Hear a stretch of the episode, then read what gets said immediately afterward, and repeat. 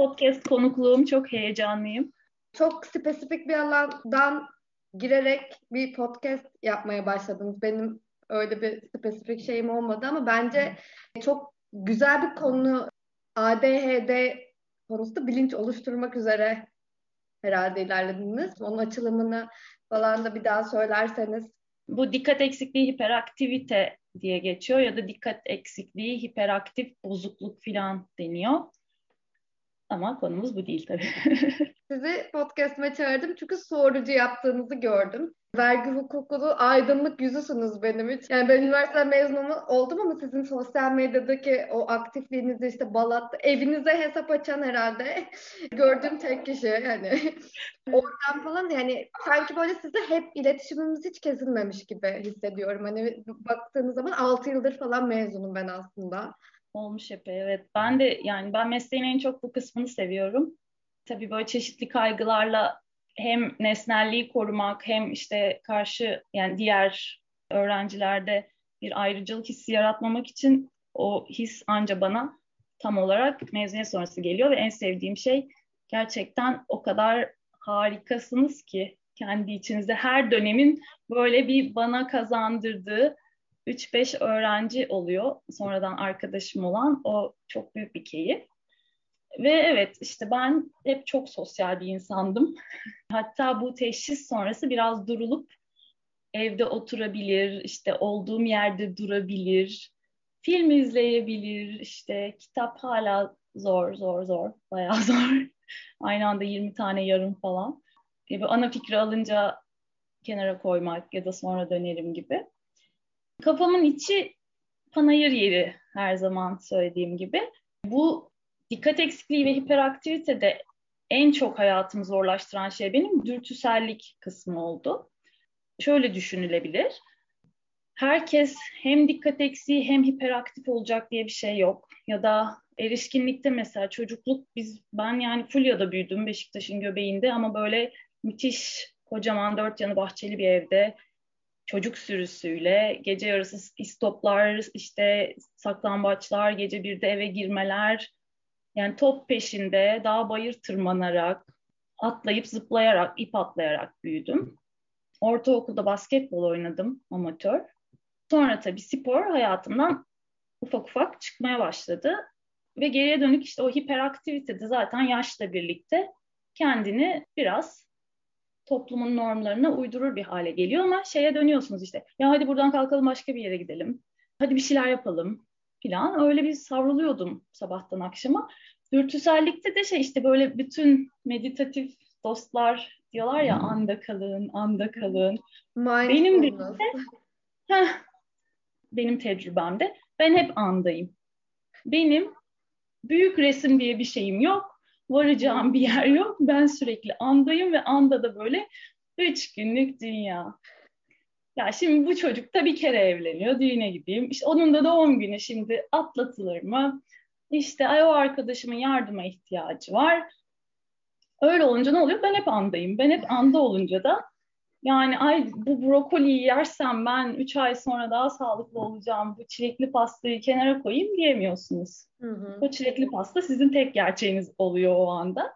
Ve kararları vermek bu dürtüsellikle zorlaşıyor. İşte bu yemekle ilişkim de benim duygusal yeme, işte dürtüsel yeme, rasyonel olamama falan gibi bir yola girdi yıllar içerisinde. O yolda da denemediğim şey kalmadı. Yani akupunkturundan işte homeopatisine, power plate'inden boksuna hmm. çocuk gibiyiz biz. Yani kaç yaşında olursak olalım ödül olacak. O tavşan koşarken havuç sallanır o hesap.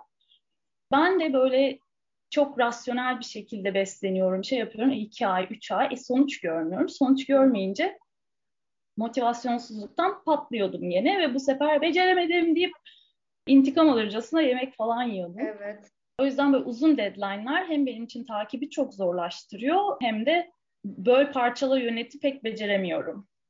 Peki sorucu sizin için böyle bir şey miydi? Benim vücudumda bir şeyler oluyor. Kilo verememem için bir sebep yok. Kilo almam için bir sebep yok.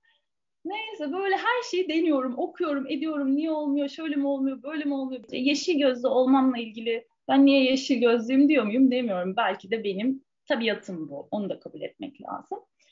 Bazen o yolculuk şeyi anlatıyor insana zaten. Hangi fikirler benim fikrim? Hangisi işte ailemin, etrafımın ve toplumun görüşleri? Biraz onlara kafa yormaya başlayınca zaten beden olumlama denen güzellik diyeyim. Orada bile kelimeyi düzgün seçmek lazım. Olumlamayın, şöyle yapmayın ama hı hı. Kendini olduğu gibi kabul etmek diyeyim. Oradan bakmak bana çok iyi geldi. Bu, bu süreçte de işte önce intermittent fasting, aralıklı oruçla tanıştım. Buradan belki kulağına gider bilmiyorum. O zamanlar zorunlu hizmette olan Doktor Can diye bir Doktor Bey vardı ve onun Fit Ekran diye bir web sitesi vardı. Ben duacıyım hala var ve kendisi artık zaten bayağı bilindik bir doktor oldu. E, o zaman onun bilimsel işte atıflı, kaynakçalı blog yazıları oluyordu her tür şeyle ilgili ve aralıklı oruçla öyle tanıştım. Bunun öncesinde ama benim bütün doktor maceralarım hep asla ara öğününü atlamayacaksın, kendini aç bırakmayacaksın, eksik kalori almayacaksın, vücudunu alarma sokmayacaksın plan diyor ve benim beynim böyle çorbaya dönmüş durumdaydı. A doktoru iyi diye duyuyorum, ona gidiyorum, dünya paralar veriyorum. Onun ak dediğine sonra oradan sonuç alamayınca B doktorunu mu denesen diyorlar, oraya gidiyorum. B doktoru da gene meşhur şey, kara diyor. Böyle kafam karışıyordu. Biri diyor ki sütü kes, kahveyi kes. Öbürüne gidiyorum sana ara öğün latte ve badem veriyorum diyordu falan. Ve böyle hep bir şey halindeydim ben. Acıkıyorum, acıkınca sinirli oluyorum, işte terliyorum, üşüyorum, başım ağrıyor, sipariş veremiyorum böyle çok açsam. Hı hı. Ee, bana bir az çorba getirin ben sonra sipariş vereceğim falan diye. Yani sanal bebek gibi. Saati geldi yemem lazım. Kuru yemişçi gibi geziyorum çantamda. Kesinlikle ben de sizin gibiydim bu arada. Aşırı empatisini kurduğum şeyleri anlatıyorsunuz. Yani keyfin olmaz, iştahın olmaz hani yemezsin. Yok anacığım ben böyle şeyim aman alarma girerse depo yaparmış o zaman falan diye şey yapıyorum. E bir de böyle şeker dalgalanmalarım olunca bu sefer dürtüsellikle birleşince ona bir de hormonları ekle kadın olmak zaten zor. Yani ayın ben iki haftası mükemmel, rasyonel, sağlıklı beslenen, sporunu düzenli yapan, çiçek gibi bir insanım. Kalan iki hafta bir bakıyorum canavara dönüşmüşüm. Tahtaları falan yiyeceğim. Yani böyle bir dengesizlikle sürekli kendimi kabul etmek mücadelesine giriyorum falan. Öyle zamanlarda böyle yeme ataklarım da oluyordu. İşte buna gece çıkmalarını ekleyince müthiş kokteyller, işte onların gene şekeri hızlıca yükseltip düşürmelerini koy falan. Zaten eğlenceli böyle hareketli ve rahat da bir insan olduğum için uzun yıllardır zaten şeyi başarabiliyorum. Dışarı çıkıp içki içmeden geceyi bitirebilmek, bir ıhlamurla e, barda takılabilmek gibi meziyetler geliştirdim.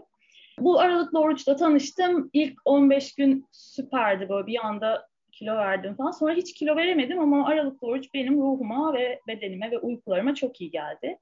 Bir buçuk iki sene ona devam ettim. Yani artık zaten o az yemeğe alışınca ara öğünsüzlüğe falan ara öğünün aslında çok da gerekli olmadığını idrak etmiş bulundum. Sonra son doktoruma da duacıyım. Çok seviyorum kendisini. Fonksiyonel tıp uzmanı o da. Aynı zamanda beslenme master yapmış. Ve yine tahlillerim süper. İşte Ayça Hanım siz bizim fit and fat dediğimiz tipsiniz. Dışarıdan bakınca fat ama içeriden fit. E ne yapacağız şimdi? O bana 24 saatlik günde bir öğünü tavsiye etti. Bu arada ben de böyle çılgın diyetler falan hiç denememiştim. Rasyonel, sağlıklı, zaten işte Ege mutfağı falan. Bir Karatay sonrası hayatıma yoğun bir şekilde giren et tüketimi var neyse ki. Ve 24 saati denemeye başladım. Orada da pek kilo veremedim. Sonra bana bir açlığı taklit eden diyet diye bir kendi içeriğini hazırladığı bir liste verdi 5 günlük. Hayatımda ilk kez bir diyette zorlandım. O da böyle şey yani gün içinde belli bir işte ilk gün 1100 kalori, kalan günler 600-700 gibi kendi kalorinize, e, kilonuza göre hesaplanan bir denklemi vardı. O tariflerde tam benlik böyle işte avokado çorbaları, ot, çöp falan yani hayvansal besin neredeyse sıfır. Bir yerde et suyu bir şey vardı ama ben onu sebze suyu olarak yani normal su koymuştum. Bayağı bitkisel bir diyetti. Ben üçüncü günde ofiste çok bir şeyler yoğundu. O gün evde yemeğimi yapıp çıkamamıştım. O yüzden malzemeleri yanıma almıştım. İşte zeytin, havuç ve salatalık bir şey bir şey. O yüzden bir acıktım salatalığı yedim. Sonra işler kolaylandı. Bir daha acıktım havucu yedim. Böyle bir öğün gibi tabak ve bütünlük halinde yemeyince sanırım. Akşamüstü böyle üç gibi gözüm kapanıyor artık. Doktora da ulaşamadım. Sonra organik ekmeğin bir küçük diliminden yemiştim. Doktorum da bana dedi ki Ayça Hanım işte bozmamanız gerekiyordu. Siz hiç kendinizi yormayın, üzmeyin. Gelecek ay 48 saatlik su orucu denersiniz. İdeali 72 saattir dedi. Ben tabii o emeği orada bırakmadım. Bir dilim ekmek yedim diye yani üç günümü yakacağım deyip o beş günü tamamladım ve hayatımda ilk kez üç buçuk kilo verdim. Yani beş günlük bir diyetle ve o motivasyon şey oldum. İlk söylediğim şey şuydu. Ya insanlar tabii diyet yapar. Yani uyuyorum, uyanıyorum bir kilo gitmiş. Tabii diyet yapar insanlar. Ben beş ayda anca tartıda bir şey görebiliyordum ve böyle yoğun spor yaptığım, protein hesapladığım şey bir tempoya rağmen. Sonra hemen tabii ben o arada ay sonu yaklaşmıştı. Öbür ay 72 e, saatlik oruca niyet ettim. Ya zaten 24 saat yapıyorum. E bir bakayım sabah uyanınca karar veririm. İyiysem devam ederim dedim. İşte o günlerde annemlerdeydim. Eylül'dü. Bizim evimiz de çok sıcaktır. Ben ama polar pijamalarla filanım böyle üşüyorum ilk günün akşamı. Sonraki günde gayet böyle hazır kahvaltı sofrasına uyandım. Bir baktım iyiyim ben ya dedim devam edeceğim. Annemlerle çay içtim, güne devam ettim. Gene üşüyorum. Arkadaşımla buluştum, onunla da çay içtim. Eve döndüm filan. 48 de çok kolay geçti. E dedim hadi gideyim yani gittiğim kadar. Bu arada da araştırmıştım yani üçüncü günün zor geçebileceğini, mide bulantısı, kusma gibi şeyler olabileceğini okumuştum. Son gün evdeydim. Akşam oruca girdiğim için 60. saat gibi uyandım. E tabi uyanıyorsunuz kendinizi aç aç olduğunuzu falan aklınıza getirmiyorsunuz. Yataktan pat diye kalktım ve başım döndü. Sonra geçti. İşte sonra 60 dedim ki ben bugün takılayım kanepede dizimizi izleyeyim yani aksiyona gerek yok. 66. saate geldim. Bir şey oldu mutfaktan su mu olacak? Kanepeden aniden kalktım başım döndü. Başım dönünce midem bulandı falan falan ve beklenen gerçekleşti. Kustum ve rahatladım aslında devam edebilirdim ama insan şey oluyor yani bir böyle gene de küçük bir panikliyorsun falan. 66. saatte oruçtan çıktım. 3,5 kilo vermiştim ve ilk kez çünkü uzun yıllar kendimi sürekli iradesiz, iradesiz, iradesiz hani çünkü öyle bir şey de var ya toplumda da var yani şişmanlık eşittir iradesizlik, işte şişmanlık eşittir tembellik, şişmanlık eşittir sağlıksızlık, şişmanlık eşittir hareketsizlik. Yok canım öyle şeyler.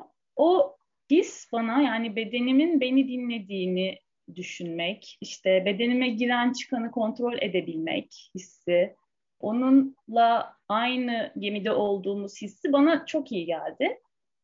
Dediğim gibi yani tartıdaki şeyi geçiyorum zaten ve o bedene aşırı yüklenişimiz yani üç gün aç duruyorsunuz ama bağırsak faaliyetiniz hala aktif yani düşünsene daha vücut tam işini bitirmeden yeni bir şey ekliyoruz, yeni bir şey ekliyoruz sürekli. Biraz böyle Ayurveda'yı da daha önce denemiştim. O da aynı sistematikten hareket ettiği için oralardan da alışıktım zaten öğün arasında bir şeyler atıştırmama falan gibi şeylere.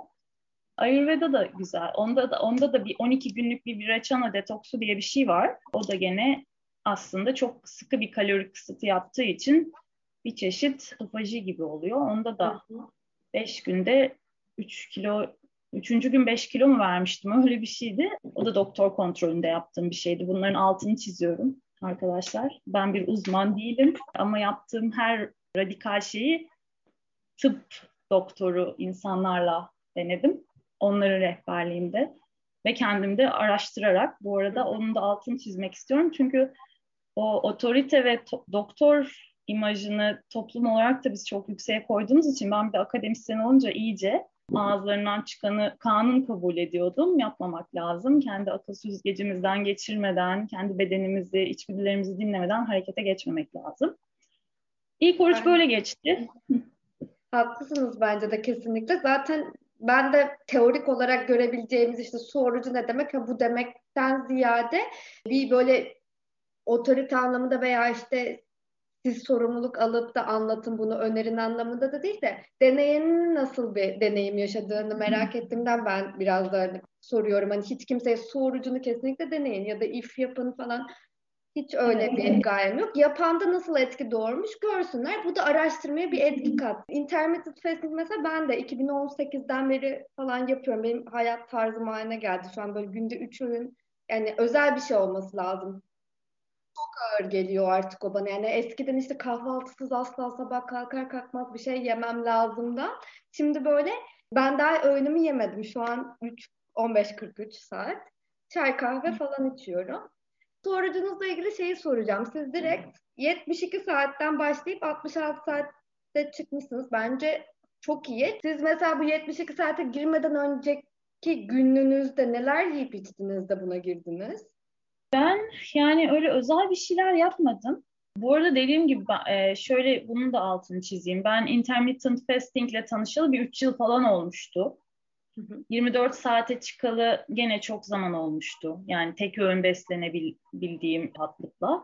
Bu süreçte bir de şeyleri öğrenmiştim. İşte bedeni strese çok sokmamak. Zaten ifte hep şey diyor ya aynı saatlerde yerseniz eğer vücut bilir ki gelecek o yemek bana der ve depolamaz. Çünkü benim geçmiş bilgilerimle hep öyle bir kaygım da vardı. Az kalori alırsam depolarsa, kas kaybedersem falan gibi endişelerim oluyordu o zaman. Ve mesela İFE ilk başladığımda muhtemelen o streslerle normalde yiyeceğimden fazla yiyordum. Bir sağlam öğün yapıyordum ki işte alarma girmeyeyim, elim kolum titremesin. Sonuçta hayatıma da devam ediyorum öte yandan. Bu arada su oruçlarında da benim bir Haziran'dan Aralık'a kadar bir 6 aylık kesintim oldu ama onlar o süreci de dahil düşünürsek yani ikinci yıla gidiyorum. Bir buçuk yıl gibi bir şey. Yani kolay gelmesi de biraz benim için artık alışılmış olmasından ama bu son yaptığımda mesela uzun zamandır yapmıyorken yaptım ve şeydim yani cam sildim, perde yıkadım, hep hareket halindeydim. O da çok sevdiğim özelliklerinden biri. Ya vücut adaptasyona programlı, kendini iyi etmeye programlı. Ayda sadece bir kere üç gün yapıyorum ama şimdi doktorumla konuştum. İstiyorsanız daha fazla da yapabilirsiniz dedi. Hem süreyi uzatmayı deneyeceğim. Benim 83'tü rekorum. Hem onu biraz arttırmak istiyorum çünkü daha kolaylaşıyor üçüncü günden sonra. Hem de belki ayın başında üç gün, sonunda üç gün gibi bir şeyler yapmak istiyorum. Ve bende tek kilo vermek anlamında işe yarayan yöntem bugüne kadar bu oldu.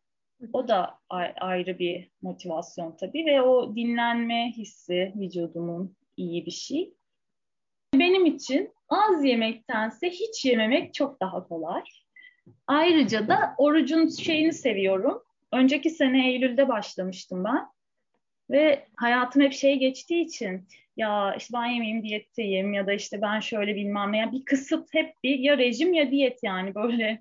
Ya bir takip ettiğim kendi sistemim var ya takip ettiğim bir listem var vesaire. Sürekli bık bık eden bir profile dönüşüyorsun. Ay onu yiyemem işte ya şimdi şey yapmayayım ay ısrar etme filan. E, oruçta üç gün kapatıyorsun kapıyı. Sonrasında normal hayatıma devam ediyordum. Ben içkimi de içiyordum. işte tatlımı da yiyordum ve o aşırı kolayıma geldi. Yani ayın sadece üç günü bir kısıtlama ve 27 gün normal insan gibi takılmak şeyi çok iyi gelmişti.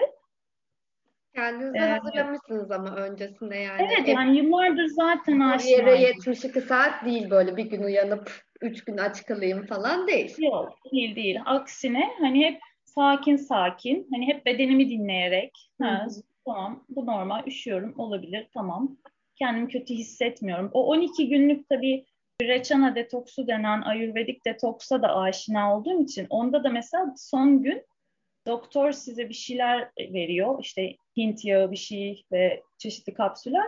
O sizi aslında kusturuyor ve işte şey yapıyor. Bütün bedeni temizliyor. Hı hı. Onun iç organ detoksu da olduğuna inanılıyor falan filan. Oradan da aşina olduğum için hani çok problem etmedim onları ben. Ama şöyle şeyleriniz oluyor komik. İlk zaman mıydı, ikinci yapışında mıydı neydi? Bir gece rüyamda domates yiyorum ama nasıl o domates ya en güzel domates. Normalde sever misiniz? Ya öyle özel rüyama girecek bir şeyim yok yani kendisi. Severim tabii ki. Ya da işte şey oluyordu ilk zamanlar yaptığımda böyle rüyada yemek yemek. Yani normalde olmaz. O bir de et yemeyi bıraktığımda olmuştu. Orada da yiyememek şeklinde. Rüyamda et yiyorum ve yutamıyorum falan gibi. Bozmuşsunuz rüyanızda. Aa üzülüyorum falan lanet olsun. Ya niye ben o parmağımı yaladım ki şimdi falan gibi çeşitli komik maceralarım oluyordu. Ve sosyal olarak bazen beyin istiyor. Yani artık aç değilsin ama sıkılıyorsun. Hele böyle bir de evdeysen, yalnızsan falan böyle çekirdek çitleyeyim. Refleks olarak vücut yeme eylemini istiyor. Ona da bir şaşırıyorsun. Hep böyle değişik bir farkındalık kazandırıyor insana. Hep sporumu devam ettim bu arada oruçlarda da. İlk, ilk zamanlar bir yogada falan böyle aşağı aşağı pozisyonlarda midemin bulandığı olmuştu. Onları yapmadığım olmuştu ama sonrasında pilates'e gidiyordum mesela birebir. Hiç engel olmadı fiziksel aktiviteme de. Bir de ben normalde su içmeyi çok aksatan bir insanım. O anlamda da su orucu özellikle ADHD tedavisi sonrası mesela ilacımı içmezsem ben böyle uzun aralar verirsem suyum, yemeğim, kişisel bakımım her şeyim aksıyor. Oruçta da o sürekli su. Mesela çay kahve ilk zamanlar içiyordum artık onu da içmiyorum. Kahveyle zaten epey bir mesafe koydum arama uzun zamandır. Sadece suyla artık takılıyorum. Bazen usulen soda içiyorum. Zaten vitaminlerim var. Covid'den önceden beri içtiğim magnezyumdur, işte iyottur, demirdir, D vitaminidir. Onlar hep eksik olduğu için. Onlar almamazlık etmiyorum yani oruçtayım diye. Dediğim gibi ama bunların hepsi herkesin hem bünyesi farklı, bedeni farklı, ruh hali, huyu, suyu, iştahı, her şey farklı. Ben o yüzden altını çizmek istiyorum. Her yöntem herkese işe yarayacak diye bir şey yok.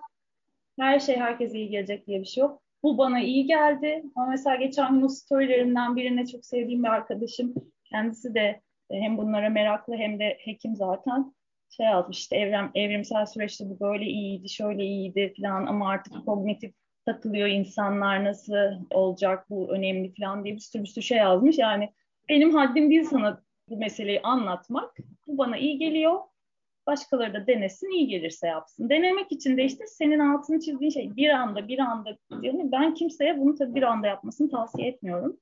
Hem bedeni strese sokmamak için hem de if için de öyle. Yani beş gün ifi deneyip pes edersen tabii ki if, üf, çok zor hayatta yapamam. Ama bir 20 gün bir dişini sıkarsan ya da işte senin için o 20 kaçsa x gün senin için gereken gün kadar kendine alışma iznini verirsen o zaman işte o öğünler arası rahatlık, işte şişkinlik olmaması, gece uykularının düzgünlüğü, işte insülinin dalgalanmadığı için şekerin mesela benim dört gibi falan böyle uykum değil ama uzanmak zorunda hissediyordum kendimi. Böyle elim ayağım çekiliyor gibi oluyordu.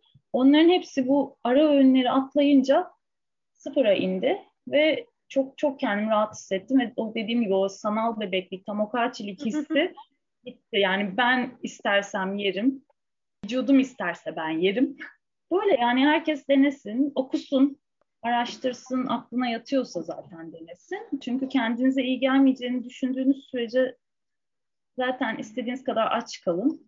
Bir işe yani matematiksel olarak belki yarayacaktır ama ruhen de iyi geleceğini düşünmüyorum. Bana ruhen ve bedenen çok iyi geliyor. Ben de katılıyorum. Dediğim gibi herkes kendine göre bir yöntem bulabilir ama asıl o otofaji süreci 72'den sonra başlıyor deniyor. Ve otofajiyi hızlandırmak için de mesela doktorum son son şeyi önerdi. İlk gün yoğun bir heat antrenmanı yapıyormuş. Bir, bir saat kadar. Glikozu Böylece bitirip. glikojen depolarını hızlıca boşaltıp ertesi gün bir direnç egzersizi bir saat. Son günde normal bir yürüyüş yapıyormuş. Ben bu üç günlükte normal insan yürüyüşü şeklinde üç gün devam ettim. Sonra onu denemeyi düşünüyorum. Heyecanlı güncellemelerinizi bekliyorum. Ben takip ediyorum çünkü kendim içinde. Ben de İF'e başlayıp çok hızlı sonuç almıştım ilk başta. Çünkü vücudum, ya ben bunu şöyle açıklıyorum. Herkeste her şey aynı şekilde tezahür edecek diye bir şey yok. Herkese iyi gelmiyor gerçekten ama bence şu genel olarak vücudu şaşırtınca vücut buna bir tepki veriyor bence. Ve ben de mesela 3 öğün 3 full öğün hiçbirini geçiştirmeden ve ara öğünlerden birden if düzenine geçince benim vücudum şoka girdi ve ben çok kısa sürede sonuç alınca benim de çevrem böyle ben anlatıyordum işte bunu yapmaya başladım falan ve somut olarak çok kısa sürede hep beraber sonuç görünce bana sorulmaya başladı işte ne yapıyorsun, nasıl yapıyorsun falan gibi. Ben de kendi yaptığımı anlatıyordum. Can çıkaran bir şekilde de yapmıyordum. Mesela işte böyle şey de derler tokluk periyodunda biliyorsunuzdur siz de iki öğün arası çok bir şey yemeyin. Ben onu da yiyordum.